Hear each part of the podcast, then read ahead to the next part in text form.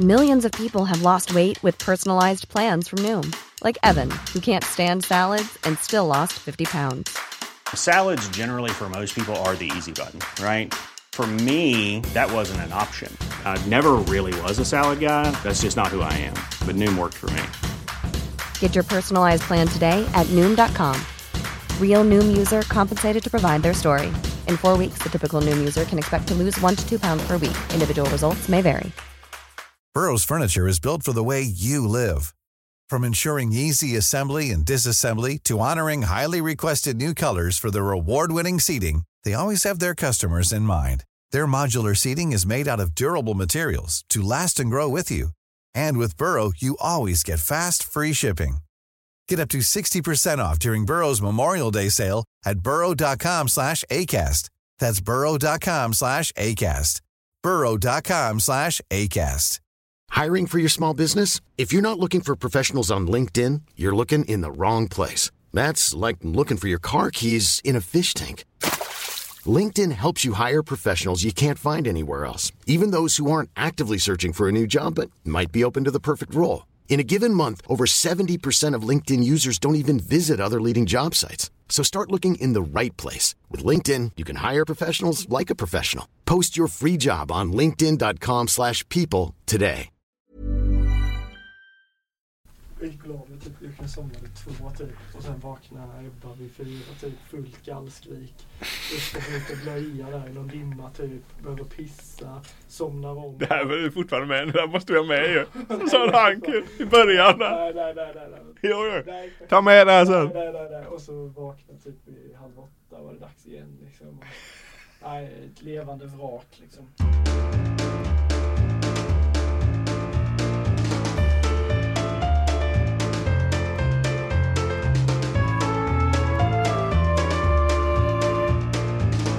Säger vi varmt välkomna tillbaka till podden utan namn. GPs fotbollspodd som fortfarande alltså inte har ett namn. Jag utkräver dig Filip Troler på en förklaring. Varför är det inte ett namn än så länge? Ja, jag, eftersom Robert Laul inte är här och eh, han är på semester och du är hans eh, ersättare här så eh, kan vi ju skicka över den till Robert istället. Det var han och eh, vår chef Jocke Magné som hade lovat att eh, fixa ett namn. De har misslyckats, jag är inte involverad överhuvudtaget i den här processen, säger vi. Det är bra. Inget ansvar på dig och så utkräver det på Robban i hängmattan där. Helt klart. Det är alltså jag då, Fredrik Janli, som får ta över dessa stora skor och fylla från Robban och eh, som ni märker så är podden nu dessutom eh, nere på två starka man eftersom vi fortfarande har skickat eh, en person upp till huvudstaden. Hur känns det Filip? Ja men det känns, eh, jag och Linus Pettersson då som har lämnat för Expressen, eh, det är klart att vi ser honom som en svikare, kommer vi alltid att göra. Eh, ah, skämt, skämt åsido, vi saknar Linus väldigt mycket, otroligt eh, duktig eh, journalist och eh, trevlig att prata med här i podden. Vi gillar ju att gnabbas lite med varandra sådär. Så vi saknar Linus, men vi gör det bästa av det och eh, vi hoppas att ni gillar att lyssna ändå. Du är en ständig medarbetare i den här podden. Är det så att eh, lyssnarna kan börja höra av sig och ta den här tredje stolen? ja, vi kanske ska lotta ut den eller någonting. Det hade kanske varit en eh, bra idé. Jag får eh, ta det med, med Laul när han kommer tillbaka, se vad han säger om den, eh, det förslaget. Vi testar. Skicka era förslag till filip.troler.gf.se så Ja. ser vi om vi kan kuppa in någon där. Ja, vad fan, gör det, gör det. Du har ju dock inte varit lika mycket ledig som jag har varit den här sommaren så eh, Ja, är några, svårt.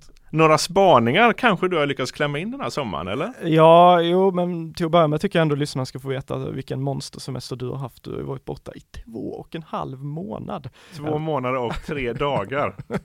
ja, det var ju inte så mycket det. En annan har ju slitit på då, eh, även om jag har hunnit vara lite pappaledig och haft lite semester också. Det är upp till bevis för dina spaningar nu för att visa hur mycket du har slitit på. Ja, men nu ska vi inte, vi ska inte backa för långt här, utan vi tar spaningar som är lite aktuella och vi har ju haft en full omgång här. Superettan är igång igen och allsvenskan är igång igen och ettan är igång igen, så alla våra lag har varit i racet utom då damallsvenska BK Häcken eh, som, eh, som kör igång mot KIF Örebro här eh, i, i slutet av veckan. Men spaningarna, alltså jag, jag, har väl egentligen två, två spaningar som sitter ihop på ett sätt. Eh, du och jag var ju på Gamla Ullevi igår och tittade på IFK Göteborg mot Hammarby. Eh, en match med eh, helt fantastisk inramning. Eh, Blåvitt-fansen har ju verkligen slutit upp under den här säsongen och, och haft ett stöd som de inte har haft på väldigt många år. Det har ju varit eh, nästan slutsålt på de flesta matcher. Igår var det helt knökat. Vad sa du att det var den sjunde bästa siffran? Sjätte bästa tror jag till och med det var någonsin och bättre än den eh, så kallade guldmatchen för ett gäng år sedan på arenan. Ja, då när de jagade guld mot Kalmar hemma 2015, ja just det. Och det var ju, Bayern hade kommit med en stor klack och det var jäkligt mäktig inramning.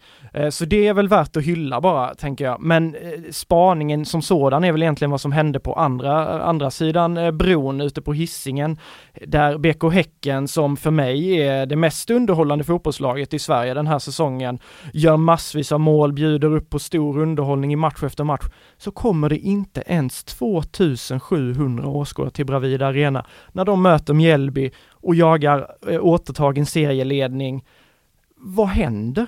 Visst, det var åskoväder här precis innan avspark, men det var det inne i stan också. Eh, Ja, jag är mycket förvånad. Sen ska man absolut inte, man ska inte hänga de som var där och jag tycker fortfarande Häcken klackmässigt och sådär så har de verkligen växt och, och, och, där tycker jag de, de ska vara liksom stolta över det de har åstadkommit, den utvecklingen. Men alltså sittplatspublik och att inte lyckas locka mer än 2600-700 personer typ. Alltså Geis hade mer mot Kviding i, i ettan här inne. Säger det mesta. Ja, nej med men det. Ja, med all respekt för Geis. Nej men det får man väl säga bra av dem då liksom. Men att Häcken inte kan göra mer på publikfronten i, i det här läget. Det, det tycker jag, jag tycker bara det är sjukt tråkigt alltså. Jag, och jag förstår inte det. Ja, det är nästan så vi skulle kunna ha en podd enbart om eh, publik då, men eh, om vi försöker utkräva ett litet svar. Eh, vad tror du krävs för att Häcken faktiskt ska kunna ha mer publik på sina matcher? Krävs det att man vinner det där guldet en gång för alla eller? Ja, alltså jag är nog, vi snackade lite om det eh, här innan på dagen och alltså jag tycker att de, alltså just för att det har byggts upp lite, alltså visst det är inte hardcore eh, liksom så här eller hardcore är det naturligtvis, men det är inte den största klackkärnan, det är inte den största klacken och så vidare. Men de har ju lyckats bygga upp någonting som ändå gör att det finns en fin stämning på Bravida Arena när man går på fotboll på hissingen. Eh, det bor väldigt mycket människor på hissingen. Det är klart att det finns många som tidigare generationer hejar kanske på Blåvitt, eh, Blåvitt ÖIS och Gais liksom innan Häcken blev, blev framstående.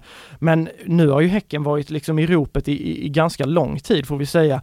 Eh, och framförallt då den här säsongen, man tänker att presterar man så fin fotboll och gör så bra resultat, varför kommer de inte? Då är det ju bara det, dels får väl Häcken då jobba med marknadsföring och så vidare. Det måste ju ligga på dem. Eh, de gör ju det, men de måste bli ännu bättre där. Eh, och sen handlar det nog lite som du säger. Jag tror, tar de det där guldet, då kanske det blir den där definitiva grejen att fler blir sugna på att hänga på och sådär. Men eh, för min del tycker jag att det borde redan ha kommit lyftet alltså.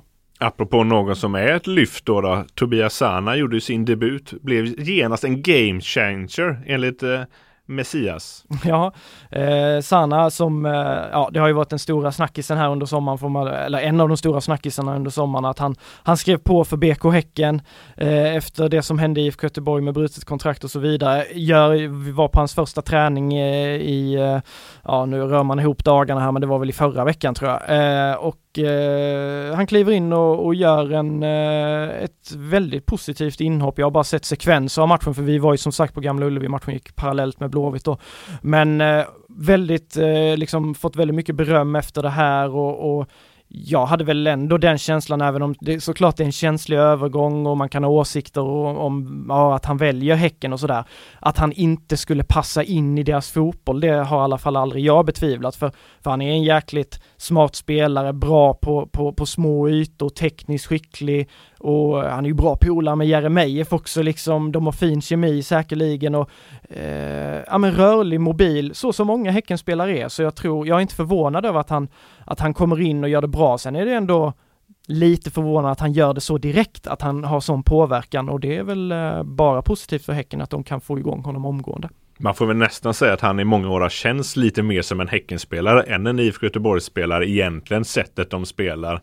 Men det man är mest imponerad är väl 33 år gammal, hållit igång på egen hand i ja. ganska många veckor och kan uppenbarligen komma in och förändra en matchbild i Allsvenskan. Ja, ja men det är bara hatten av till, till Sana för den grejen. Det är väl typ är det nästan två månader sedan tror jag som, som han jo. liksom lämnade Blåvitt. Och det är lång tid, alltså det är nästan som en försäsong där du helt tappar match, match och kollektiv träning. Han har kört på egen hand som sagt och eh, det, det är imponerande och som du säger också, han, han börjar ju faktiskt bli till åren kommen. Att kunna kliva in och göra på det sättet, eh, eh, det visar inte bara på att eh, att han liksom är en duktig fotbollsspelare utan också att han har en jävla karaktär och är otroligt dedikerad till det han gör. Han är liksom inte mätt på fotboll.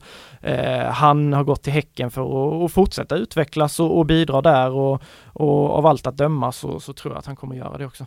Apropå det kan jag passa på att pika dig också för att du är ju inte lika längre lika lätt-tränad här. Så är du lite avundsjuk på Sanna då som uppenbarligen lyckas hålla sig i form eh, trots eh, ingen lagträning. Ja, du, du syftar här på, vad, vad är det du brukar säga att min ämnesomsättning att det har gett... Har äntligen kollapsat till allas stora ja, glädje. Ja, nej men det har väl blivit några pappakilon, jag blev far här i början på, på juni, det har väl blivit några pappakilon där, inte varit igång så mycket med träning och, och sådär. Så, så visst, jag är avundsjuk på Sanna, han är disciplinerad disciplinerad, för han är ju också förälder så han hade ju kunnat skylla på något sånt också. Men han är ju elitidrottsman, det är ju inte jag och har aldrig varit i närheten av att vara så eh, jag får väl vara förlåten för det. Nu vet jag knappt vad din eh, fråga var, om jag var avundsjuk på honom. Ja men jag är avundsjuk på Sanna, det kan vi säga. Är du avundsjuk på en annan elitspelande pappa, Alexander Jeremejeff då, som dock fick inleda på bänken men Häcken verkar klara sig ändå, även om hans inhopp såklart förändrade en hel del. Ja, tänk om man var sån gudabenådad benådad fotbollsspelare som Jeremejeff, det är klart att uh, man är avundsjuk på honom också. Eh, jag tycker att det är, eh, om man ska vara lite seriös så liksom kring, kring det hela, att, att Jeremejeff börjar på bänken, han var sjuk, eh, ett styrkebesked att Häcken lyckas vinna ändå.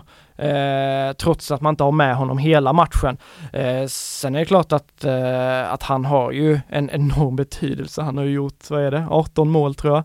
Eh, har ju gått mållös här nu mot Helsingborg och, eh, och mot Mjällby men, men eh, hans säsong, det finns väl inte så mycket mer att säga om den mer än att den är helt eh, formidabel och ja, det är ju hans bästa någonsin. Ja, det mest anmärkningsbara där är väl ändå att han så pass tidigt på transferfönstret gick ut och meddelade att jag kommer inte lyssna på andra klubbar, jag kommer stanna. Mm. Och nu har Häcken dessutom gått ut och bekräftat att den tidigare klausul som fanns i det kontraktet är ju bortförhandlad, hur man nu lyckades med det. Ja, ja det är vad har Martin Eriksson för hållande? det är det man undrar va? Nej men eh, i en fotbollsvärld där eh, det har blivit allt mer så, framförallt kanske kring talanger, att så fort du gör en, en, bra halv säsong, alltså det kan räcka med tio bra matcher, att du gör mycket mål, så börjar liksom locktonerna komma ju såklart. Eh, och det är nästan ingen som inte liksom står emot det där, utan folk tar chansen, inte första bästa ska jag inte säga, men de vill gå direkt. Att Alexander Jeremejeff när han är 28 år gammal eh, och med det intresset som har varit för honom, både nationellt och internationellt, väljer att stanna i BK Häcken. Jag tycker det är så jäkla coolt framförallt, att han gör den grejen. Det visar att han verkligen tror på det här och att han tror att BK Häcken har en seriös chans att ta det där SM-guldet. Eh, och sen är det också eh, det är bara liksom imponeras av Häcken också hur, hur de har gått tillväga. Jag vet inte, men att de, att de kan få behålla honom den här säsongen eh, eh, och, och, få bort den där klausulen som i alla fall är borta för nu tyckte jag Martin Eriksson sa i någon intervju. Det är väl möjligt kanske att det kommer något efter säsongen eller sånt. Jag, man vet inte hur dealen ser ut. Och de kan ju fortfarande ha lovat varandra. Precis, precis. Varandra det finns säkerligen ett löfte där. Jag tror inte Alexander Jeremejeff är med i Häcken nästa säsong om jag, om jag säger så. I och för sig trodde vi inte han skulle vara med i höst heller men eh, oavsett vilket, eh, ah, ett, ett coolt statement och väldigt roligt för svensk fotboll. Alltså får vi faktiskt säga att, att den typen av spelare kan liksom se att det finns ett värde i att fortsätta vara kvar i allsvenskan. Och något som är roligt för dem ute på hissingen är ju att Peter eh, Abrahamsson har fått hålla två raka nollor. Det har han inte gjort på väldigt, väldigt länge. Nej, det, det var väl eh, mot Helsingborg var väl första nollan för säsongen om inte jag är helt snett på det. De, det är rätt så otroligt. Man har legat i, i serietopp och varit med hela tiden i toppen. Man har inte hållit nollan en enda gång liksom innan, innan dess då. Eh, och det tänker jag är, eh, visst, Häcken vill vara ett offensivt lag som hellre kanske vinner sina matcher med, med fler mål och sådär. Men att få in den stabiliteten ändå och kunna hålla nollan nu mot, mot Mjällby också. Eh, det tror jag blir otroligt viktigt för dem. För det kommer komma matcher här i höst, planerna när de ska iväg och spela på naturgräs och sådär. Det kommer bli tuffare matcher, mer fysiskt spel, inte lika lätt att lira boll liksom. Och då tänker jag i alla fall att det är väldigt skönt också att ha en defensiv att luta sig tillbaka mot och inte bara alltid vara beroende av att det måste klaffa offensivt och i, i, i anfallsspelet. Så eh, nej, det tycker jag, eller det tror jag verkligen, de värdesätter högt, både Abrahamsson, backlinjen, Högmo, hela laget, att man har fått eh, de två solida defensiva insatserna också. Med tanke på det då att man har en solid defensiv nu, fortfarande öser in mål, kommer Häcken vara med hela vägen i år? Eller kommer de falla av här snart? Vi har ställt oss den frågan några gånger. Eh, som tidigare sa man ju så här, ja drar Jeremejeff då, då får vi nog svår, då, då blir det svårt för Häcken att liksom hänga, hänga på det här och, och vara med i racet hela vägen. Men eh, nu tror jag, nu är det 12 omgångar kvar, de leder serien eh, och ja, alltså det finns, det finns längre ingen anledning att tvivla på dem, tycker jag.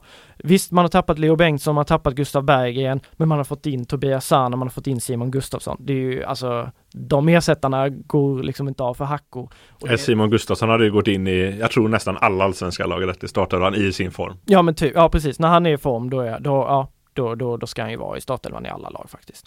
Så det, även om Gustav Berggren har gjort en fantastisk vår och är en lite annan typ av spelare än Simon så, så är det väl ändå så att man kan säga att en Simon Gustafsson i form är väl fortfarande en liten uppgradering. Och jag tycker också Leo Bengtsson har varit bra i Häcken men har kanske inte lyst som allra mest och kan Sana komma upp i, i nivå så är det absolut en fullgod ersättare där också. Så jag liksom, jag hittar inte längre, jag hittar inte längre någonting som, som talar emot BK Häcken. Visst, eh, skulle Jeremejeff gå sönder eller någonting då kanske man får om, om, ompröva det där om man tror att de, att de ska hänga med men som det ser ut nu så eh, det kommer bli guldjakt hela vägen in i omgång 30 på, på Hisingen. Det är jag i alla fall ganska övertygad om. Det slår vi fast här 16 augusti klockan 13.53 när det här spelas in. Ja, vi ser. Laul kommer säkert in och river upp det här nästa, eh, om ett par veckor eller vad det blir.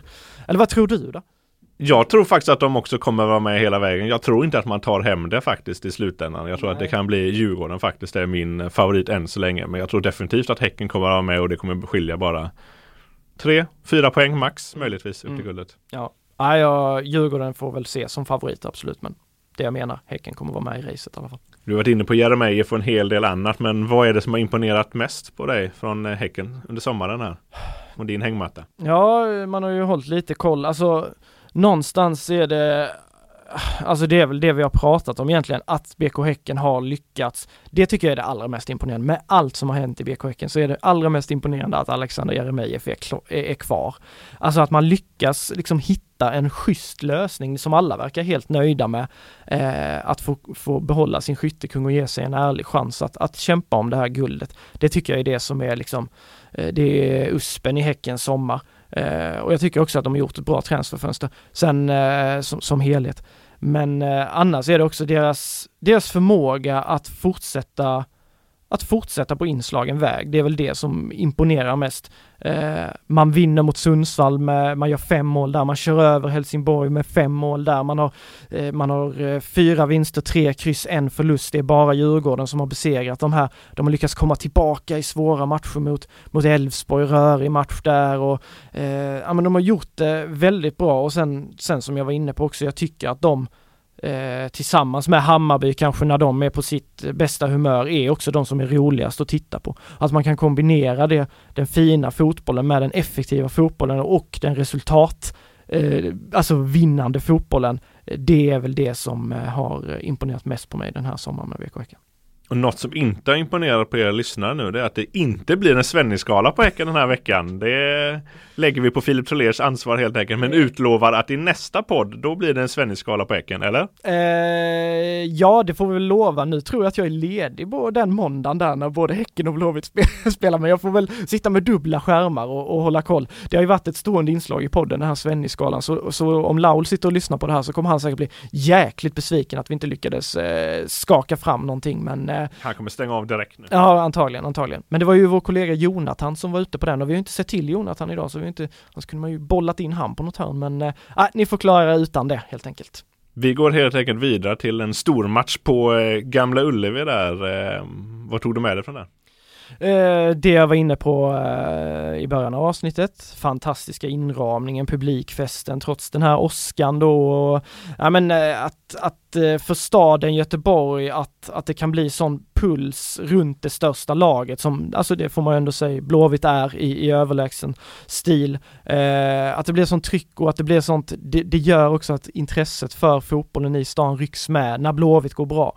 Så det var väldigt liksom roligt att se att se dem eh, komma in i en sån match och att, att de är på en sån nivå där, där de faktiskt kan prata om toppmatcher igen och ja, inför matchen kan man ju faktiskt säga att det var lite jakt in i guldstriden i alla fall.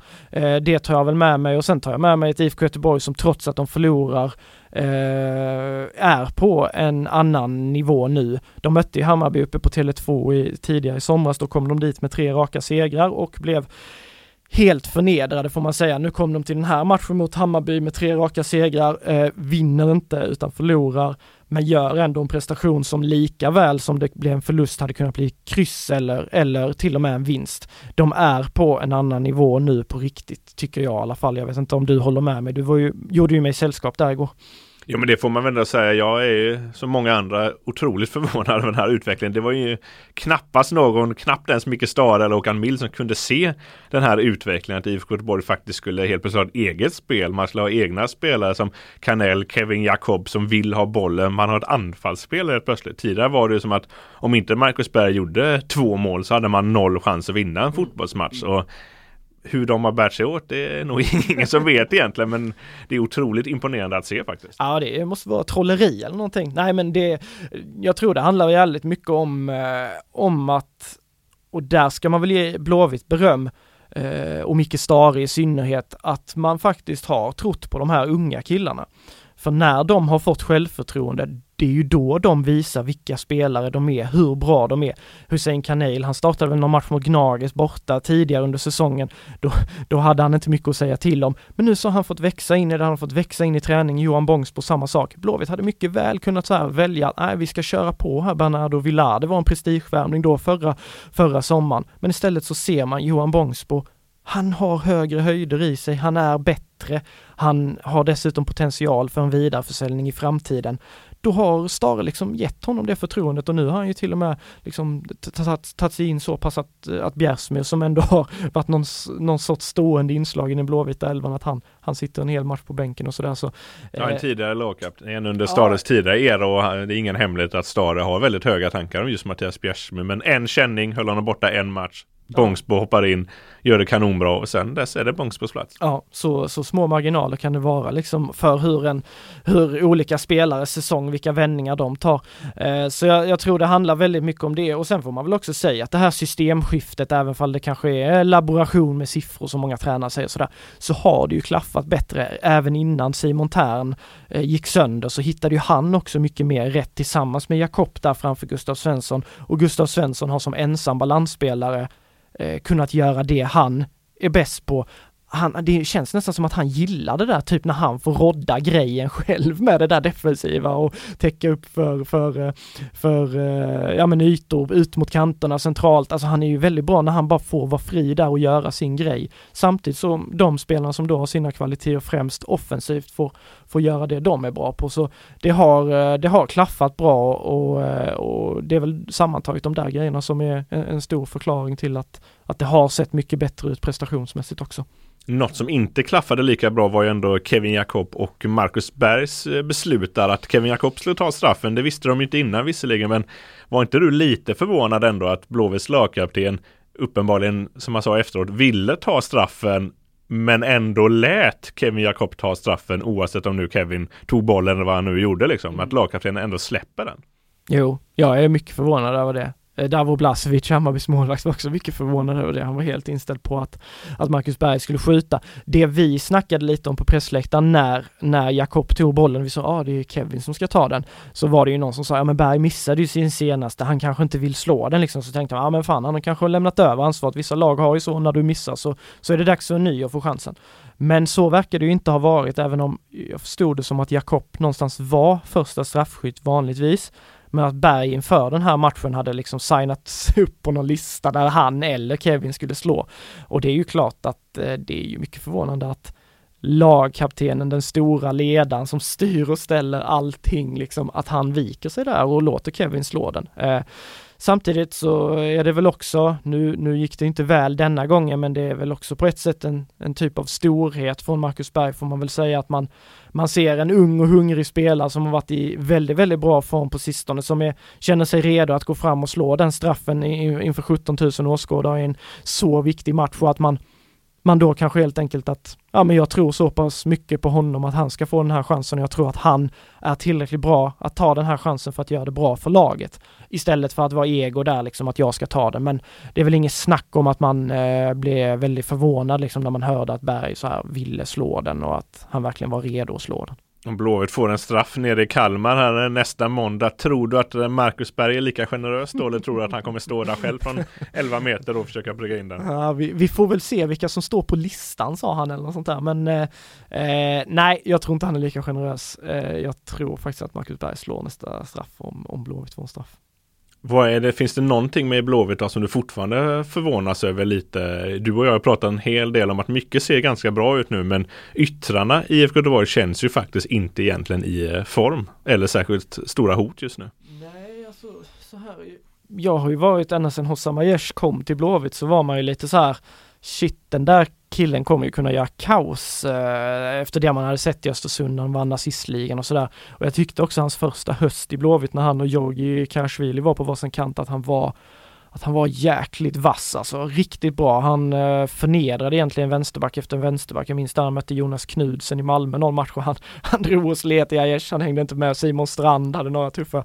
Men sen har det ju varit mycket upp och ner för Hossam liksom. Han har sett lite på gång ut och alltså jag tycker matchen igår var så här, han var ju helt anonym. Sen helt plötsligt fixar han straff och så får han lite självförtroende, går emot och skapar lite och sen försvinner han lite igen och det det kommer inte riktigt loss där. Och sen Markovic, det är klart att alltså vi ska inte eh, hänga honom, han gjorde ju debut i, igår då, eh, spelar en timme, lite förvånad att Micke kastar in honom direkt i startelvan, kanske han har gjort tre träningar med Blåvitt. Eh, naturligtvis kan det bli hur bra som helst på sikt, men han såg väl liksom inte han såg inte stekhet ut, även om han har några fina aktioner både offensivt och defensivt. Så, men honom måste vi naturligtvis ge tid. Men tittar man på laget som sådant så är det väl på ytterpositionerna där det kanske inte riktigt finns den där formtoppen nu liksom när Kanel har fått kliva in i, i Terns eh, frånvaro då. Nu när vi ändå pratar om nyförvärv som fick debutera Sally Sue, denna jätte till anfallare fick ju hoppa in och vad minns du av det där inhoppet? Jag gissar att du kommer att tänka på hans eh, skott från ungefär typ 45 meter där, som landade rätt på Davo Blasevic och Marcus Bergs eh, utskällning därefter. Ja jäklar det var en, eh, det var en bjässe som kom in där. Vi, eh, nej men han var väl lite så här, rörde om i grytan lite grann men det är klart att beslutsfattandet i det läget som du tar upp där, där, där det inte är många minuter kvar och vifta på. Han får bollen långt utanför straffområdet och beslutar sig för att skicka iväg ett hårt skott ska vi säga. Det säga. Men det var ändå inga problem för Blasevic att ta den och den, den reaktionen från Marcus Berg, den var... Uh, vi såg ju Sebastian Eriksson på en träning här i veckan som blev mycket, mycket arg på Salisu för att han knöt skorna mitt under en övning, va? Eller var det mitt i match? Nej, det var mitt under matchspel på en övning och ordvalen från Sebastian Eriksson kan vi nog inte upprepa den här podden för då får vi nog uh, muta både här och där. Men det var en klockren utskällning på svenska i vart fall. Salisu förstod väl antagligen bara sitt namn och det kändes som att alla uppe på Kanatgården vek sig av garv där.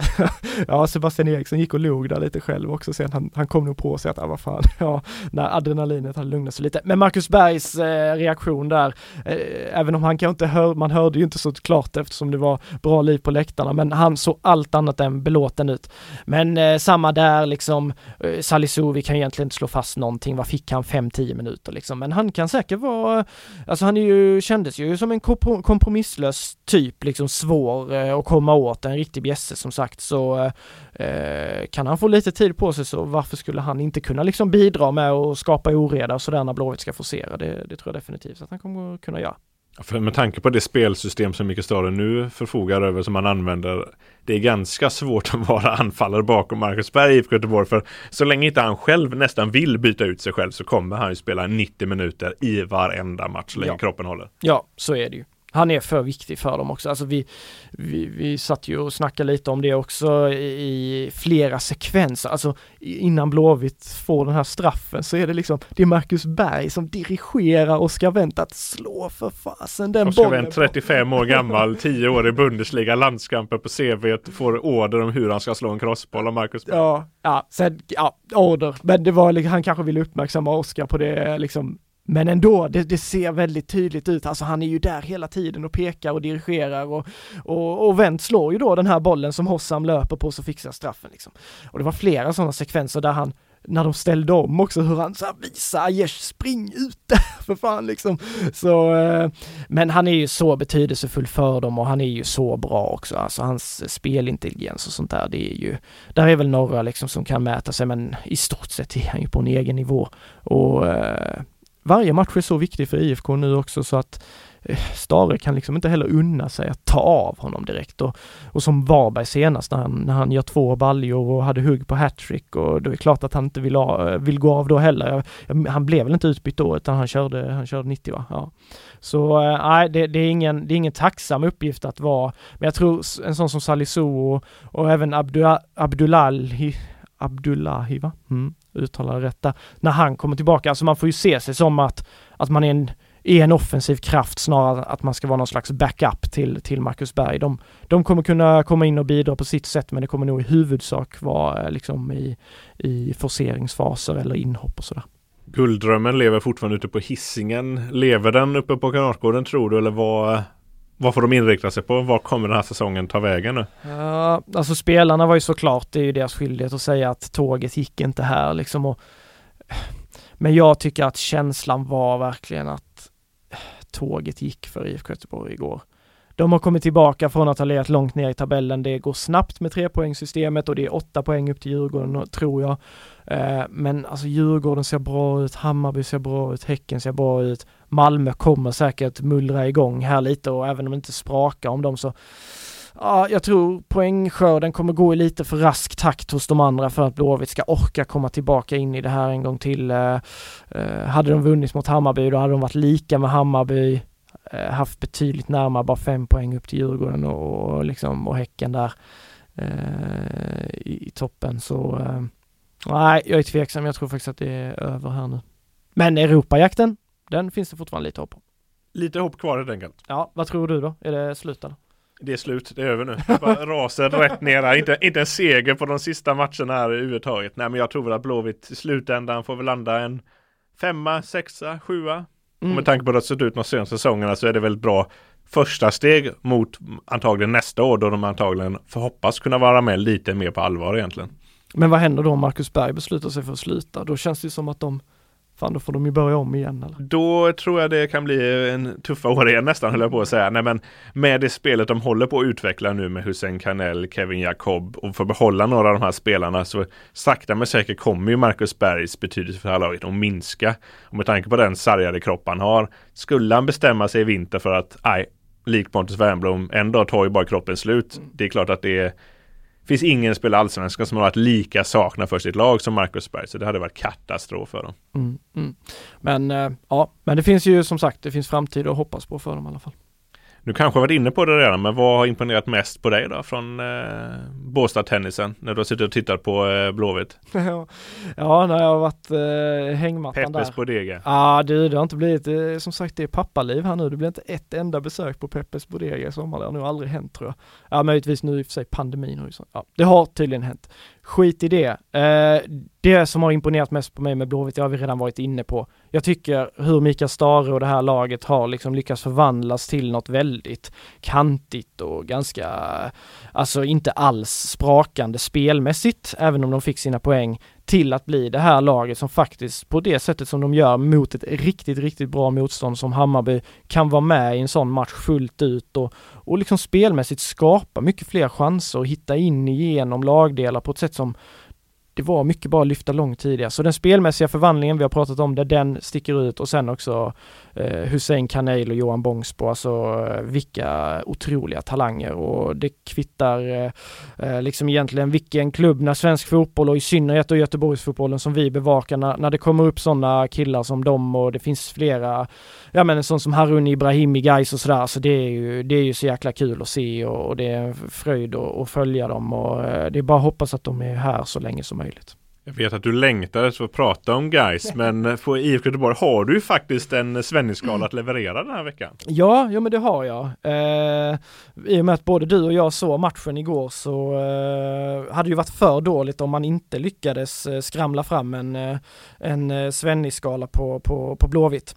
Eh, och eh, bra då, det tycker jag ändå att Marcus Berg är. han som sagt dikterar, styr, ställer, smart i skarvarna, några kontringar Blåvitt lyckas få fart i. Det är 100% Marcus Berg för att han släpper bollen och redan vet vad han ska göra. Det var någon skarv, någon klack till Gustav Norlin och sådär där de forsar fram. Eh, minus lite för att han hade ett jättefint avslutsläge där i, i andra halvlek som han, han bränner men alltså han är fortfarande på en så hög nivå att han, eh, han, var, han var bra tycker jag.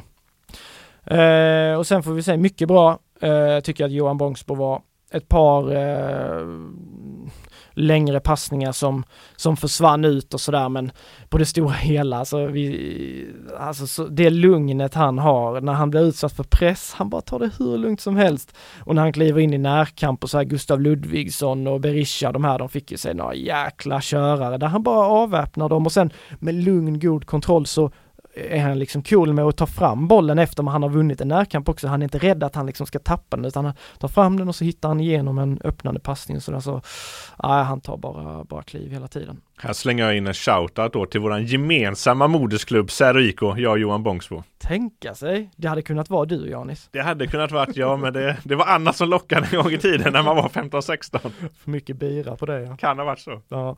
Eh, Sist, mycket, mycket bra. Hussein. Sist och minst egentligen kan man säga också då. Ja, Hussein Kanel. Eh, alltså de numren, de tekniska numren han bjuder på centralt i planen när han är utsatt för press och hur han både för lagkompisar och sig själv lyckas skapa chanser. Det är på en nivå som redan är hög allsvensk nivå tycker jag. Eh, han, eh, han mognar för varje match och nu blev det inga poäng igår men eh, där har Blåvitt en, en diamant. Där ser man. Nu... Är det någon du, håller med mig om den här skalan nu då eller? Det håller jag med om, om man särskilt ser till senaste matchen håller jag definitivt med. Lite över tid så är jag ju fortfarande då Kanske lite tack vare att vi har samma moderklubb nästan mer förtjust i Johan Bångsbo än Hussein Kanel. För jag tycker att som mittback komma fram 19 år gammal och spela det spelet som han gör. Det gör att jag tror att han faktiskt kommer gå före Hussein Kanel som nästa stora blåvita försäljning. Ja, kanske. Nej, men jag, jag köper det. Men nu var det ju Hammarby-matchen vi pratade om här. Ja, men så därför håller jag med dig faktiskt. Ja, det är bra. Bra slutord där. Och nu ni lyssnare så är det karnevalstämning mot, eh, hos min kollega borta i studion. Han har tagit av sig skjortan och vevar den ovanför sitt huvud. För nu får han prata om ett lag som går som tåget, nämligen Guys dubbla seriefinalsvinster och eh, du har väl redan slagit fast att det blir eh, superettan nästa år? Va? Ja, det har jag slagit fast och det tycker jag det kan man göra utan att skämmas. Nu, eh, de besegrar Oddevold i, i onsdags med 2-0 i en, i en seriefinal på Bravida Arena. Sen följer de upp det med att besegra Ljungskile med, med 3-0 i en seriefinal på, på Gamla Ullevi. Och eh, Gais-fansen sjunger Gais is going up och, och, vinden har vänt och grönsvart ska gå upp i år och ja, nu, nu tycker jag att eh, de har 10 poängs marginal. Falkenberg kommer där nere och, och går väldigt, väldigt bra men nej, 10 poäng, 12 omgångar kvar att spela. Visst, det är mycket, men chokar de inte helt mentalt eller liksom börjar latcha runt och, och, och liksom inte tar det här på allvar, vilket jag nog kan lova att de inte kommer göra, eh, liksom riskera att göra, så är guys eh, tillbaka i Superettan 2023. Det vågar jag slå fast en andra grej du slår fast här i dagens eh, podd där alltså. Ja, men vad fan, det är ju bara, det vore ju pinsamt nästan om man sitter här och säger när de leder och ser med 10 poäng och har förlorat en match på hela säsongen och kör över de största konkurrenterna då, då, eh, då vore det nästan lite väl fegt att sitta och köra med hängslen och livrem och säga att de inte, inte ska gå upp. Jag tyckte Gais förra ordförande Jonas Andersson, han, han var också ute och skrev på Twitter någonting att fan om inte, om inte det är klart att Gais is, is going up liksom. alla slår fast det nu. Du har ändå bevakat guys i många år och sett mycket besvikelser genom åren. Hur det bevaka ett grönt-svart lag som får vinna fotbollsmatcher? Ja, nej men det är, alltså som med alla, alla lag eh, Eh, man bevakar så är det ju, det är ju så mycket roligare när det går bra. Sen är det ju vår skyldighet att vara där när det går dåligt också och vara kritisk när det går dåligt. Eh, men det är väldigt, väldigt kul att, att, eh, att bevaka det här guys som jag skrev i någon fem punkter i veckan också att just, just alltså vissa lag, vissa upplagor blir man lite Eh, alltså så här, lite extra förtjust i. Och jag tycker den fotbollen som Guy spelar i år och på det sättet som så många unga killar med Harun och Ben Morris och Filip Gustafsson, Viktor Kryger, Emin Grostanic, jag kan nämna hur många som helst, på det sättet som de har tagit sig an den här utmaningen att kliva ner med guys där pressen är enorm för, för jämförs med alla andra ettanklubbar och jämförs med många superettanklubbar och till och med allsvenska klubbar. Eh, kliva ner och på det sättet omfamna situationen och våga och ta för sig Eh, det gör mig så sjukt imponerad och sen spelar de också så otroligt rolig fotboll med mycket fart och väldigt mycket platsbyten och flexibilitet och sådär. Så det gör att, eh, det gör att man tycker att det är jäkligt jäkligt kul att, att bevaka guys nu och sen är det skönt gäng där uppe också, alltid, alltid lätta att ha att göra med sådär så, ja, kul. Och hur många vinster som helst i rad, de släpper knappt in ett mål längre. Uppenbarligen spelar Gais trevlig fotboll igen. Finns det någonting att klaga på när det gäller grönsvart? Nej, höll jag på att säga. Alltså som det är nu, de har sex raka matcher nu tror jag i serien utan insläppt mål. De är... Det har nog aldrig hänt i Gais historia jag på att säga det. jag vet inte men jag tror knappt det. Eh, och de har ytterligare, det är väl sju matcher med cupmatcher mot Lindom också. Så de har ju ett, ett försvarsspel som också, det är inte bara klang och jubel och champagnefotboll utan det är ju också väldigt solitt och, och starkt, lite så som det var i början på säsongen, för då ska man ju säga att då var det ju verkligen inte vackert utan då var det ju ganska deppiga insatser och det såg inte alls eh, särskilt synkat ut och de vann faktiskt matcherna egentligen på att de hade ett bra försvarsspel. Men nu har de liksom fått ihop helheten och Låter som ett annat lag vi precis pratade om ju. Ja, ja men det är ju faktiskt så. Eh, och det är många, många lag i stan som mår bra just nu och, eh, och det är väl, eh, jag, jag, kan inte se någonting liksom så som är, Eh, är något orosmoln för, för guys. Eh, de har eh, med ettan mot mätt har de en bred trupp. Nu har de några avstängningar här inför Torns nästa i backlinjen och där är de väl som tunnast och det är väl, det är väl något sånt liksom att om det skulle bli väldigt många skador eller någonting i försvaret som skulle kunna oroa eller som jag var inne på att man blir ah, lite liksom väl våghalsig. Det syntes lite mot Ljungskile några gånger i passningsspelet sådär att de skulle lira sig ur några situationer som, ah, ni kanske inte behärskar det riktigt än. Eh, och det är väl lite det där att man blir för naiv eller något sånt där, tror att det ska gå av sig själv. Det är väl det som är farhågan, men annars, annars ser jag ingen, ingen farhåga med det och tidigare har det ju varit att eh, liksom att de inte har haft någon tydlig nia, men jag tycker de har Eh, de har liksom tagit sig an det problemet på bästa sätt. De har fått tillbaka med Evangelik och han är ju tänkt att få, få använda som nia och han är väl inte i sin bästa form än men han kommer varva igång. Han gjorde en assist nu och, och Kargbo har ändå gjort åtta mål tror jag eller någonting och Friday signade de ju upp eh, på två och ett halvt år. Det var jag lite förvånad över att, eh, för han tycker jag inte har varit särskilt bra under våren men jag tror det är en långsiktig, långsiktig tanke främst med honom för han är ett jäkla råämne i och med att han har en spetsegenskap i sin extrema snabbhet så kan han bara lära sig att avsluta också så, så kanske det finns något där. Men eh, nej, så de, har, de problemen de har, har de lyckats hantera på ett bra sätt och eh, eh det verkar inte heller finnas någon risk för att de ska bli liksom eh, äh, tappade här för jag tror Fidde är alldeles för jordnära och fötterna på jorden och jag tycker att, att eh, flera av spelarna också verkar det. Så, så de ska nog inte sväva iväg, det tror jag inte. Vi pratade mycket om eh, att vi var imponerade av att Alexander Jeremejeff stannade kvar i Häcken. Nu kanske inte var lika mycket Harun Ibrahims beslut att stanna kvar i Gais men att Gais ändå lyckas behålla en sån talang som jagas av ganska många större klubbar är ju ändå anmärkningsvärt. Verkligen. Det, och när man tittar på Harun, alltså de 30 minuterna, första 30 minuterna han gjorde mot Oddevold, det var ju... Ja, är det det bästa du har sett?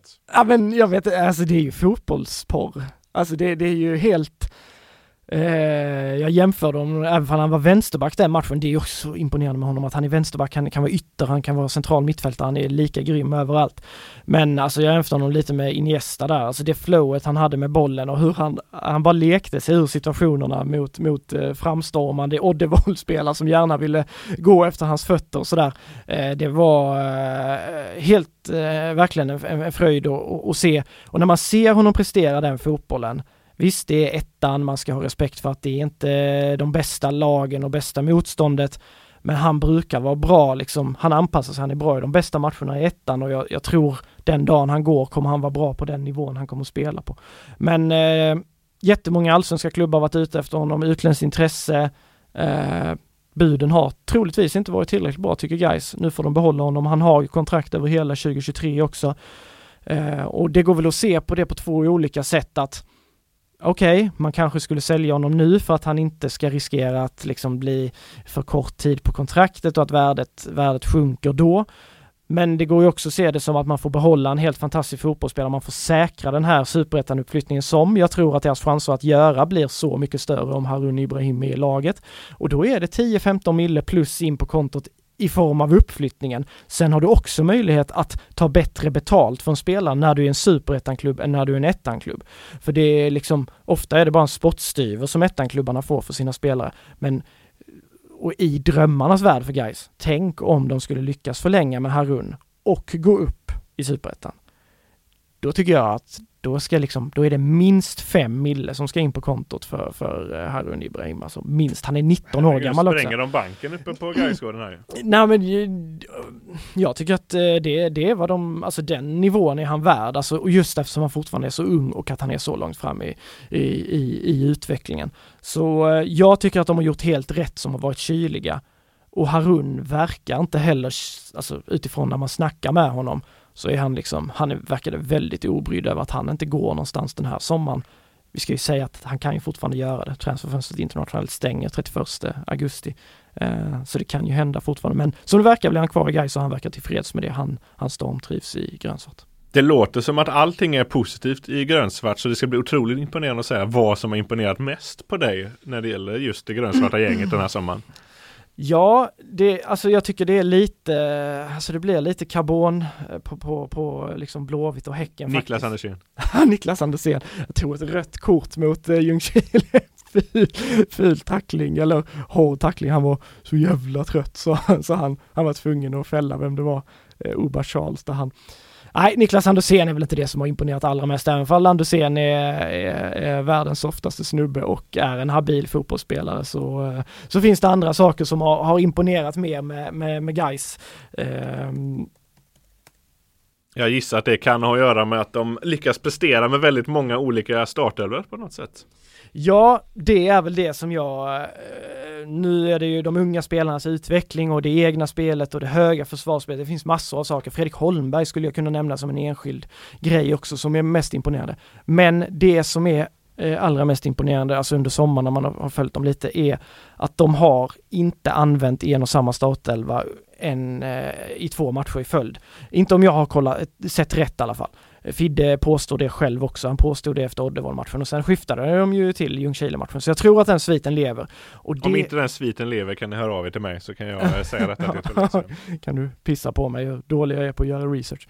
Men eh, nej, det, och det är ju naturligtvis anmärkningsvärt för för som jag skrev i någon text här att, att det är så ofta att man säger att ja, men det vanskligaste med ett bra lag det är när man börjar byta i startelva. Man måste köra med, försöka i så möjlig mån köra med samma startelva. Guys har inte gjort det en enda gång.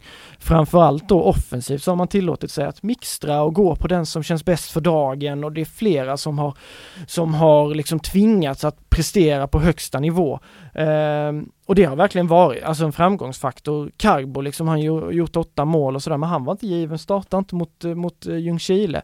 Gustav Lundgren har ju spelat många matcher, men annars har han ju alternerat väldigt mycket. Julius Lindberg som nu är stekhet igen här, han satt på bänken stora delar av våren och, och ändå så lyckas han få effekt och det som, det som gör Eh, det är bra när det funkar med det här rotationsspelet är ju att helt plötsligt så har du ju inte bara 11, 12, 13 spelare som är, känns i bra slag utan helt plötsligt har du ju kanske 17-18 spelare som verkligen kan gå in och bidra och då blir det ju helt plötsligt ett lyxproblem.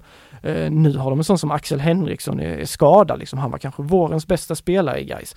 Eh, så de har ju oändligt med, med möjligheter. Mervan kommer igång här, Jocke Åberg på väg tillbaka, Viktor Alexandersson satt på bänken mot, mot Ljungskile också, startade mot Oddevold och alltså det är klassspelare så eh, Nej, det imponerar väldigt mycket hur man lyckas också att alla hittar rollerna trots att man skiftar. Det, det, det är det som sticker ut allra mest för mig, att de har, har klarat av det på ett så bra sätt. Du räknade precis upp i princip hela Gais trupp där, så det ska bli otroligt imponerande att se vilka som tar plats på din Svennis-skala från matchen mot Ljungskile här. För att det är ju bara tre platser och det känns som att du hade velat säga 22 olika namn här nästan. Ja, typ alltså, typ alltså. Eh, Ja, det var riktigt. Du har nämnt alla tre hyfsat nyss kan ja, jag avslöja det, för ja, lyssnarna. Ja, det har jag gjort, det har jag gjort. Men jag var inne här på om jag skulle göra en sen ändring för jag tyckte Axel Norén var så jävla bra också. Men eh, nej, jag håller fast vid dem. Trots att guys håller nollan så blir det ändå de offensiva spelarna som, som sticker ut lite för mig.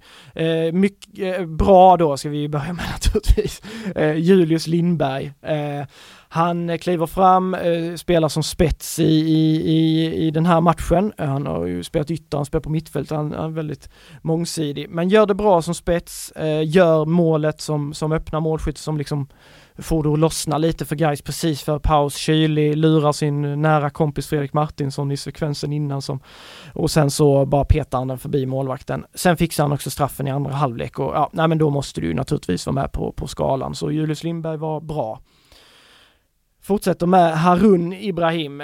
Han var väl ännu bättre mot Oddevold kanske, men eh, nu kliver han upp på mittfältet mot Ljungskile och eh, har väl där lite en duell i, i duell så mot eh, Oba Charles som det har hyllats mycket och snackats mycket om från Ljungskile och det har också varit många, många klubbar som varit ute efter den innermittfältaren. Jag tycker Harun Ibrahim vinner den matchen och jag tycker återigen att han Ja, han är ju briljant långa stunder i spelet och sen är han också viktig i de avgörande sekvenserna. Han har gjort poäng också. Han nickar fram eller tar fram bollen till, till Julius Lindberg till 1-0 målet och sen sätter han också straffen med viss eh, problematik. Han har lite flyt med stolpen där men han, han sätter straffen igen. Han gjorde mål mot Oddevold på straff också men två poäng.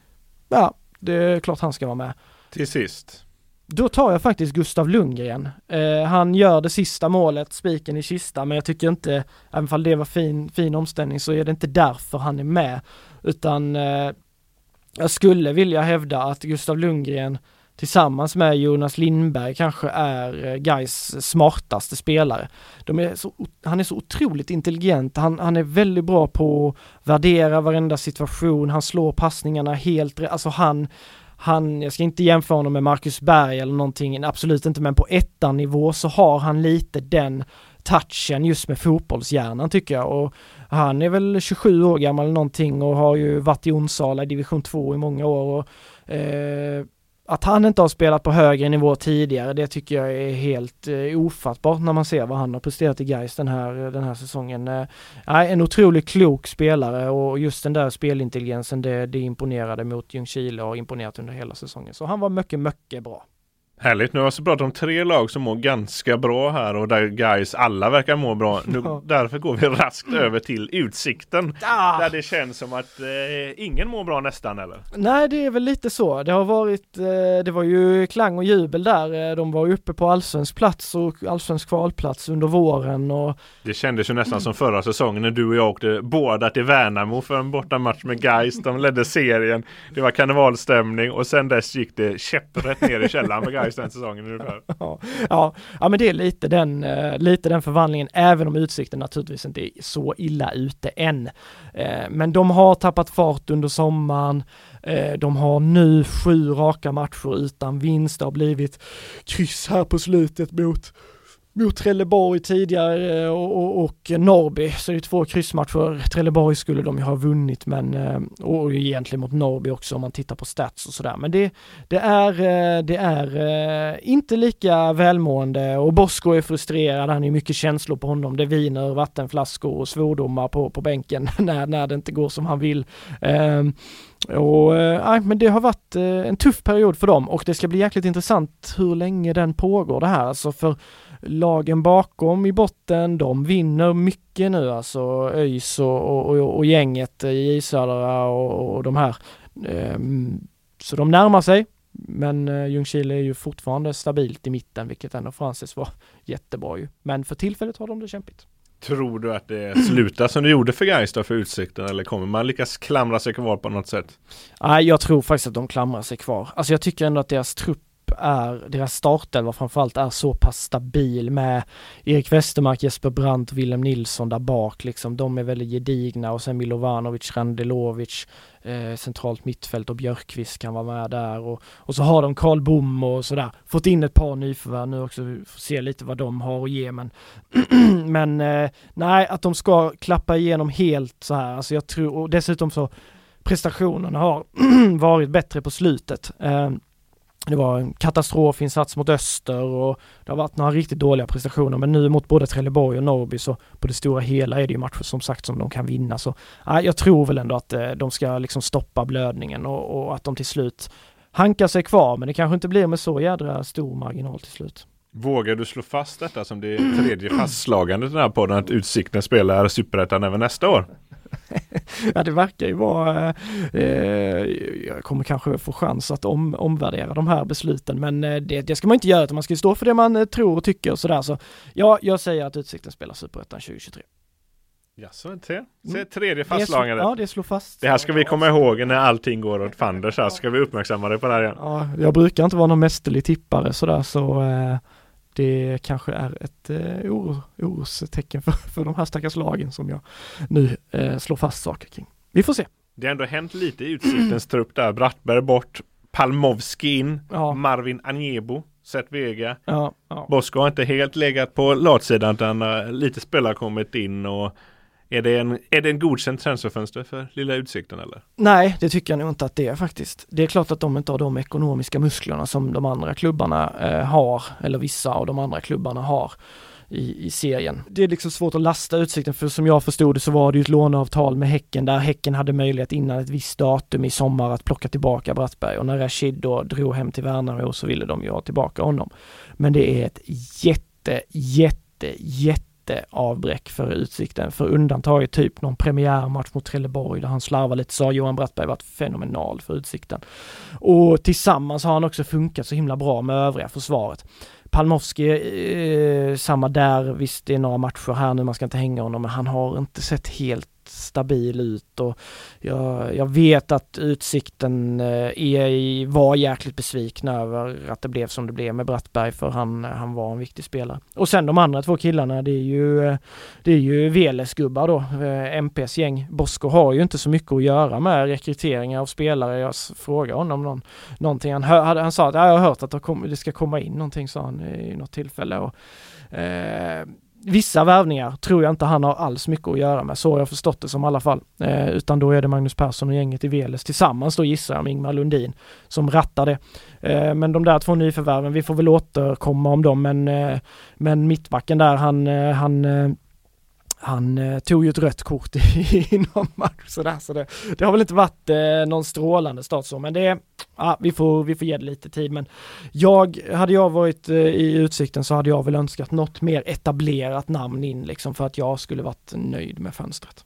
Om det fanns en uppsjö av saker att välja på eh, kring Gais då som du var imponerad över. Vad har egentligen imponerat på dig när det gäller just utsikter den här sommaren? Jag gissar att du har fått eh, gräva djupt för att hitta någonting. Ja men om man då var jätteimponerad av, av våren liksom så, så kanske man eh, inte är, är lika eller man är inte lika imponerad av sommaren. Men någonstans eh, får det ändå vara att de eh, har lyckats hanka sig kvar. Alltså det som gör mig mest imponerad egentligen, det de har gjort tidigare. Att de har lyckats ta sig till en så bra platå, att de har möjlighet att kunna gå ner i en svacka och ändå inte ha någon riktig, liksom så här jakt på sig, utan ändå kunna känna att ja, men vi har distans till det. Det är väl egentligen det tycker jag.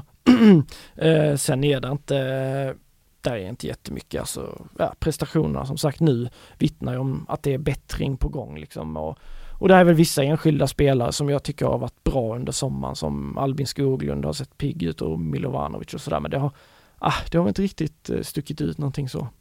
Apropå spelare som du höll på att säga för många namn där igen där som har stuckit ut den här sommaren. Dags för Svennis-skala mot matchen mot Norrby. En av dem har du redan outat där precis. Jajamensan, eh, men han får vänta lite. Vi slänger in på bra tycker jag faktiskt att Seth Vega då, nyförvärvet, eh, även om jag nu var lite halvkritisk till deras fönster så tyckte jag ändå hans inhopp så intressant ut. Eh, eh agerade target, la ner eh, någon boll där till, till Willem Nilsson, fick ett jätteläge att avgöra mot Norrby och var ändå ganska rörlig, alltså inte någon jätte jättespelare sådär, men jag tyckte ändå han var bra i det uppspel, eh, liksom uppspelspunkt och såg ganska intressant ut i, i den rollen och de har ju saknat lite skärpa framåt. Det är ju dugliga spelare på superettanivå absolut, men eh, riktig killerinstinkt har de saknat. Vi får se om Vega, Vega har det, men eh, eh så lovande ut i alla fall. Näst på listan då? En spelare du outat här. Ja, Tre vi- gånger tror jag. Ja, kanske det. William Milovanovic, jag tycker han har tagit stora kliv sen han, han gick från Häcken på lån till Utsikten och jag tycker han tar, tar fighten på ett bra sätt mot eh, Norrby. Det var liksom inga enskilda insatser så som verkligen stack ut, men Milovanovic var väl ändå bra tycker jag. Och bäst, har, och bäst har alltså mäklaren varit. Ja, han fortsätter. Allan Moiden eller Moiden, jag vet inte hur vi ska säga det egentligen, men hans säsong har ju varit, eh, ja det har ju varit ett utropstecken får man ju verkligen säga. Att man tänkte ju att han max skulle vara någon form av rotationsspelare i, i superettan, men eh, han har varit tokgiven. Fast jag gäspar här, jag är inte van vid att gå, jag har gått upp tidigt idag. Eh, Jag märker det. Ja, det är tufft nu. Eh, det är men- inget emot just utsikten här Absolut inte, absolut inte. De, eh, det har varit väldigt intressant att följa deras resa också eh, och ska bli intressant att följa. Vi sitter också i en bunker i GP så kan jag Ja, säga. ja, där det är 35 grader varmt och man blir helt eh, av, avtrubbad. Men eh, Allan eh, gjorde, jo, gjorde det bra igen och han, eh, han gjorde väl målet också. Nu, oh, nu är det mycket i huvudet här, men jag, jag tror han gjorde målet också. Jo, det gjorde han. Eh, men han fortsätter att göra det bra och har varit liksom riktigt, riktigt pigg i den wingbacksrollen, både offensivt och defensivt. Några som fortsätter göra det bra som eh, verkligen inte gjorde det så bra tidigare på säsongen är ju ett, ett rödblått gäng. Ja. Som helt plötsligt har fått fart. Är det äntligen så att Brynjar-effekten har vaknat nu? Ja, vad fan har hänt egentligen? Jo, det Är det en större förvandling än i Göteborgs förvandling? Ja, ja, ja, alltså spelmässigt är det inte det. Men förmågan att få med sig poäng så är det definitivt det. Alltså det är ju helt vad hade de? Noll segrar efter tio omgångar. Nu har de ändå lyckats samla på sig ett gäng segrar, de har samlat på sig ett gäng kryss. De har förlorat en match av de 10-11 senaste tror jag. Nio senaste Ja, sedan upp, ja, uppehållet. ja, sen uppehållet är det bara en förlust i alla fall och det var Skövde borta. Det var en match de inte gjorde särskilt bra. Men sen har de ju faktiskt lyckats eh, och det är, ja det, ja, jag, jag såg inte riktigt eh, komma faktiskt. Alltså jag tyckte när de matcherna Brynja var ansvarig för innan uppehållet, det var tre stycken. Eh, då tyckte jag ändå att man såg en förändring, att försvarsspelet var annorlunda, fyrbackslinje, lite mer skydd för, för försvaret och sådär. Men eh, offensivt tänkte jag att ja, ja, vi får väl se liksom. Sen har de ju fått in lite nya spelare och de har väl kommit in på ett ganska bra sätt. Eh, Viktor Lundberg har gjort lite mål och sådär. Eh, men det är ju fortfarande ingen sprakande fotboll, men det behöver det inte vara. Det enda som betyder någonting för ÖIS, det är att ta poäng. Och eh, nej, de har tre raka borta, bortavinster nu tror jag och för första gången se- Någonsin. Någonsin. Nej, men sedan, ja jag tror fan för första gången den här säsongen så är de uppe på säker mark. Eh, så vi, vi får ju verkligen tala om en Brynjar-effekt. Vågar du fastslå då, det fjärde podden här nu då, att ÖIS, eh, Ah, att det ah. värsta är över för ÖIS eller? Nu får vi lugna oss lite tror jag. Eh, Du sticker Nej, jag, ut hakan så nej alltså. fasen jag är inte helt säker på att eh, stormen är över än alltså. Eh, jag tror att de har hittat helt rätt metod där det, alltså där de har verkligen insett att ja, de vill vara lirarnas lag, men i år så kan vi inte vara lirarnas lag för det är, det är för hög risk med det. Så nej, jag eh, jag drar på den. ÖIS kommer få kämpa och det är fortfarande stor risk att det blir kval. Eh, jag tror kanske att de med den fina form de har, för de är ju faktiskt tredje bäst form i superettan, så, så, eh, så ska de väl eh, kunna klara sig undan direktnedflyttning. Men det är jäkligt tajt i botten och det kan svänga snabbt. Så nej, jag är inte alls säker på ÖIS än. Ett tredje formstarkast i serien, då kanske man skiter lite i, som supporter på läktarna att de inte är lirarnas lag längre. Ja, ja absolut. Alltså i slutändan. Eh, det var mycket tjo och tjim och alla var jätteglada förra hösten när där det spelades otroligt fin fotboll och, och Danes gäng eh, verkligen kom igång och det var underhåll, alltså det var verkligen kul att titta på ÖIS. Men sen kommer inte segrarna, då är det inte lika, även om det ser lite fint ut emellanåt, så istället blir det frustration och sådär. Fotboll handlar om en sak, det är att vinna matcher. Och en som är väldigt bra på det, eller rättare sagt ett starkt bidrag till det, är Isak Dahlqvist som du ofta hyllar. Ja, ja men jag, jag hyllade hans bror efter förra säsongen. Jag tycker de Dahlqvist-bröderna är jäkligt underhållande fotbollsspelare att titta på och Isak Dahlqvist när han gick från Blåvitt till ÖIS inför säsongen så då var det jag och och Linus som, eh, som rattade, rattade mycket av fotbollen där runt, runt eh, ÖIS och sådär. Eh, då var båda vi väldigt säkra på att shit det här kommer ju bli perfekt. Han kommer ju passa så bra in i Danes filosofi och, och Dane och Igor där lyckades hitta honom. Det kändes som en klippt och skuren. Sen bara hamnade han helt i ett vakuum, satt på bänken. verkade ju då som att Dane inte tyckte han var redo och att han behövde tid att acklimatisera sig. Det är möjligt att det var så den sommaren han har gjort eh, här när han väl har fått chansen av Brynjar, eh, framförallt då lite som någon form av högerytter, även om han haft ganska fri roll. Eh, det är väl en av de individuella spelarna som eh, eh, i, och alla lag inräknat har varit den som har stuckit ut mest. Eh, hans Hans förmåga att eh, vinna boll högt, eh, det måste vara en av de mest obehagliga mm, spelarna för backlinjer att, att möta. För hans pressspel är helt jäkla brutalt alltså. Mot Örebro vann han bollen högt flera gånger och mot Dalkurd likaså och nu fick han göra mål mot Dalkurd också så Isak bara växer och jag tycker han har varit deras bästa spelare i, i flera av de här matcherna på slutet så eh, till slut så ser han ju faktiskt ut att kanske bli den här Eh, perfekta värvningen för ÖIS, även om det blev på ett lite annat sätt än vad man kanske trodde att det skulle vara lite mer tiki-taka och glida runt på mitten och vara fin där liksom. Så eh, ja, det är verkligen de här attributen med löpvillighet och också förmågan att ta sig förbi med boll och så vidare sådär. Men nej, Isak, stor, stor, stor, stor, stor hyllning till honom. Oj, så pass stor? Ja, jag tycker, nej, grym alltså. Är han till och med den som har imponerat mest på dig under sommaren? Är det enbart Isak Dahlqvist här eller något annat som du gillar hos ÖIS? Nej men där är flera naturligtvis, men som enskild spelare så är det eh, helt klart att han, han, han är den som har imponerat mest på mig. Eh, men eh, jag tycker också att Arvid Brorssons förvandling är också värd att uppmärksamma. Han, han, var, han var bra det året han kom till ÖIS, hittade rätt då, Sen efter det, när han då blev köpt av ÖIS eller permanent övergång, så har tyvärr Brorsson inte, han har inte kommit till sin rätt och känns som att han aldrig funkade riktigt i Danes system och blev ofta liksom kom snett på det och det varit många självmål och dråpliga situationer. Eh, så jag hade nog, ska vara ärlig och säga att jag hade väl lite gett upp om att Arvid Brorsson skulle bli en bra, riktigt bra spelare i ÖIS. Men så har Brynja valt att sätta honom på defensivt mittfält i en lite Gustav Svensson-roll liksom.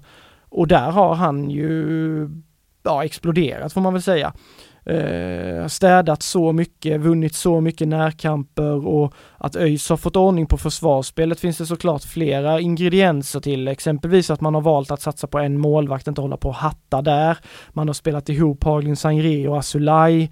Man har kollektivt blivit mycket, mycket liksom elakare, man är inte så naiva och man är lite fula och man maskar, alltså lite, nej men man gör det smutsiga som alla andra gör liksom. Det tyckte jag inte ÖIS gjorde tidigare och det är fan det krävs för att man ska vinna matcher på superettanivå. Eh, men framförallt så tycker jag att det är Arvid Brorsson som är en stor orsak till att, att det här försvarsspelet har kunnat bli så bra som det har blivit. För han gör slitgörat där framför och det gör att backlinjen hamnar inte alls lika ofta i så utsatta lägen som de gjorde tidigare. Innan så var det ju, det var ju öppna spel, det bara rann igenom. Man kunde ju dansa sig igenom på ÖIS eh, liksom framför ÖIS backlinje och bakom ÖIS backlinje. Men nu är Brorsson där och, och det finns en anledning till att ÖIS, jag tror de är också ett av lagen i Superettan efter uppehållet som har släppt in minst antal mål. Eh, Arvid Brorsson är en jättestor förklaring till det, så han är väl också en enskild spelare som man kan lyfta lite grann. Liksom.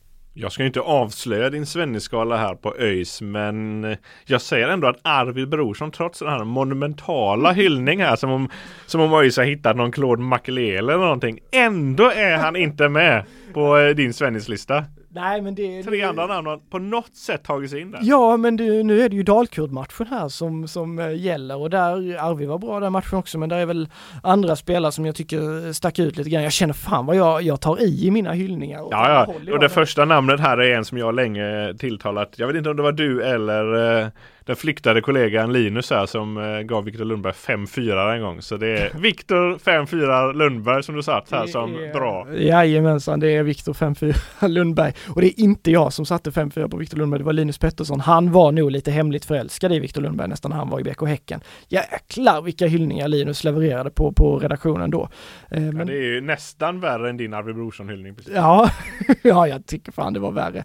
Eh, han hade ju med honom i alla managerlag och grejer och vår andra kollega Johan Rylander där, han var ju också på hugget med Lundberg. Och ja, jag trodde Lundberg skulle vinna skytteligan. Ja, ja, ja, och det var ju beef mellan Linus och Rylle där om vem som hade scout, liksom fått upp ögonen för Lundberg först. Och, ja, skit Men nu har ju fått ja. upp ögonen för honom i varje ja. fall och uppenbarligen är han bra enligt dig. Eh, ja, alltså jag ska vara ärlig och säga att jag är inte alls särskilt övertygad om hur han har varit spelmässigt, men han har kommit in och gjort viktiga mål. Han kommer in och gör ett viktigt mål mot Dalkurd igen. Och som nia där, eh, Al Holmström och Olle Johansson har ju fått chansen där, men det har väl inte riktigt lyft för dem, även om jag tycker Al Holmström, båda de har mycket i sig, så, så har eh, Brynja valt att köra på Lundberg och det är ett ganska så här, ja men det är lite små eh, så här, det är väl inte det sexigaste alternativet, men han är bra i boxen och han är riktigt, eh, riktigt vass eh, när han har getts chanserna hittills. Så han, han gör det här avgörande målet mot, mot eh, Dalkurd och ser till att ÖIS får tre poäng och då, då ska man väl inte skämmas för att ta, ta med Lundberg på den listan. Och nu blir det brödrafest igen här. De har redan tokhyllat. Ja, och nu kommer nästa tokhyllning av bröderna Dahlqvist. ja men vi kan hålla rätt så kort. Men Hampus var ju faktiskt, han har ju varit skadad ett tag. Tre, han fyra, blir mycket bra. Tre, alltså. fyra veckor. Hampus blir mycket bra. Uh, han är tillbaka i startelvan. Jag har faktiskt inte varit så imponerad av Hampus Dahlqvist i år som jag var i fjol. Uh, jag tycker att han har haft problem defensivt. Men han har väl också hämmats lite av att ja men ÖIS som lag inte funkade och i de här wingbackarna det stämde liksom inte riktigt. Det blev varken offensivt eller defensivt sådär utan det blev lite eh, något mellanting. Men nu var han tillbaka, tog en av de renodlade ytterbacksplatserna. Han slår assisten till Viktor Lundberg. Jag tycker han var väldigt företagsam i hela matchen. Eh, så om han kan hitta formen så har de ju ett jäkla vapen där att få en ytterback som kan vara så liksom utslagsgivande och så bra en mot en och sådär. Det ger väldigt mycket för ett lag. Men Hampus Dahlqvist var mycket bra. Och då vet ni alla ja, vem som var bäst? Isak var bäst och han var, ja, det, det, finns inte så mycket mer att tillägga om, om hans insats. Att, nej, han är så viktig för hela spelet, både offensivt och kanske framförallt defensivt. Det är enorma pressspel han lägger ner och ja, så han, eh, han är formtoppad och var mycket, mycket bra. Då släpper vi familjen Dahlqvist om inte de har någonting att göra med BK Häcken FF som Robert Laul så gärna vill att vi tilltalar dem. Där har det inte hänt så mycket under sommaren. De har ju mest varit lediga höll jag på att säga. Ja de har varit som vi eh, andra höll jag på att säga. Det har ju mest varit ledighet. De körde ju för sig lite längre in i, i juni där. Sen kom det ju till EM-slutspel och uh, därför så tog ju naturligtvis damallsvenskan uppehåll. Jesper igen här, händer. Uh, uh, att säga om liksom deras insatser. De ska dra igång här mot KIF Örebro.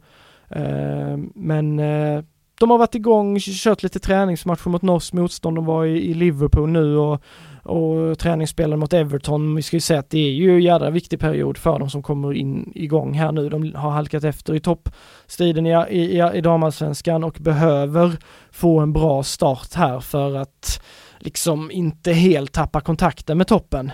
Eh, och sen eh, är det också Champions League-kval som stundar så de eh, förbereder sig för det och eh, riktar ju in sig på att försöka vara så formtoppade som möjligt till dess. Men eh, det har väl varit lite blandat i träningsmatchen. Jag har ju tyvärr inte haft möjlighet att, att se någon av dem. Eh, Eh, men det blir ju förlust mot Everton här nu och, och innan dess och om jag inte minns helt fel så blev det vinst mot Lilleström och, och Vålerengen. Så ja, vi, vi får se var de står helt enkelt. Jag tycker man kan hålla lite på det tills man har sett dem mot Örebro. Med tanke på att det redan skiljer 10 poäng mellan Häcken och Rosengård, tror du lite att det är redan nu fokus på ett eh, CL-kval från spelarna eller?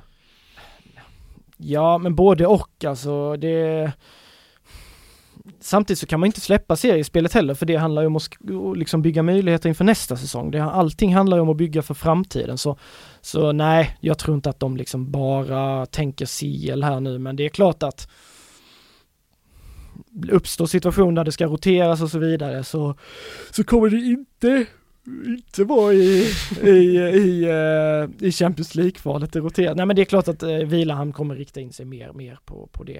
Uh, Ni märker att det börjar närma sig slutet på den här podden. Filip Solé kommer inte orka många minuter Ja men till det är så dålig luft här inne, jag håller på att kollapsa. Det är, det är varmt ute och jag fick inte med mig något vatten här. Det känns som min käft har gått i, i ett här i, i någon timme eller, eller sådär. Men, Vi kan gå in på ett eh, sommarfönster i vart fall för Häcken där det åtminstone på utsidan finns ett väldigt, väldigt stort namn får man säga. Ja, eh, och det är väl inte någon som är förvånad över att Johanna Rytting Kaneryd eh, har packat väskorna och flyttat. Hon, hon gjorde en eh, otroligt fin vårsäsong och var utslagsgivande för, för Häcken eh, ja men i så många matcher och det, alltså, och har tagit för sig mer i landslaget. Sen EM kanske inte blev riktigt så framgångsrikt för henne personligen som, som man kanske hade hoppats eller trott liksom, men hon har visat upp sig på den största scenen och det var bara en tidsfråga innan någon av de stora klubbarna skulle komma och ta henne och det blev Chelsea för henne och, och hon lämnar Häcken efter att ha haft en fantastisk utveckling där så naturligtvis är det jättetufft för Häcken att, att tappa en sån kvalitetsspelare.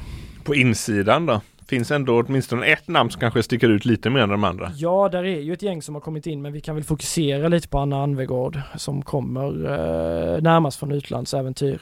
Eh, och eh, det är ju en värvning som är exakt den värvningen vi eh, och så många andra nu har efterfrågat. För efter Stina Blackstenius försvann så valde ju Häcken att ja, men inte riktigt ta in någon självklar utpräglad etta som nia.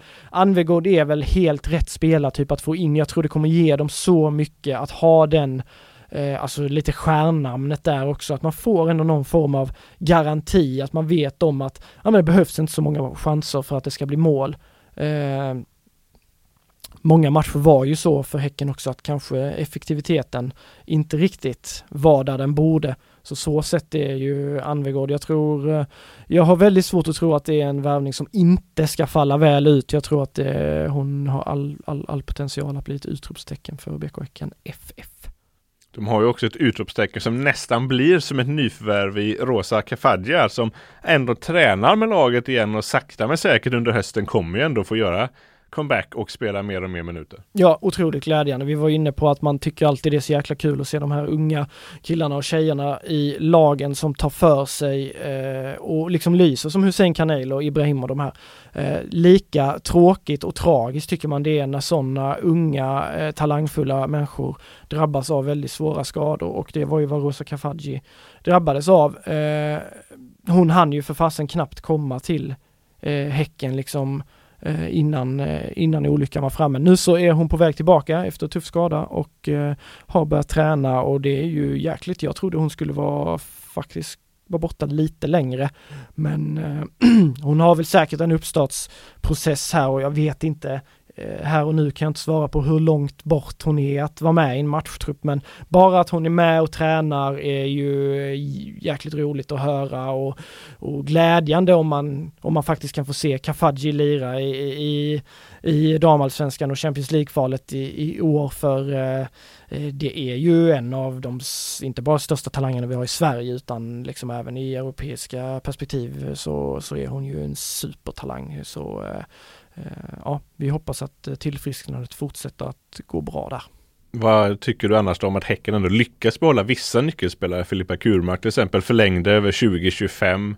Elin Rubensson sitter på ett långt kontrakt. Vissa lyckas de ändå behålla så att inte alla bara sticker så fort de är bra. Ja, nej men det är ju helt klart, alltså det är ju helt avgörande för även om Häcken liksom har större muskler än vad många andra damallsvenska klubbar har så är det är det så för alla lag att försvinner för många tongivande spelare samtidigt så, så blir det väldigt svårt att fortsätta vara ett bra fotbollslag.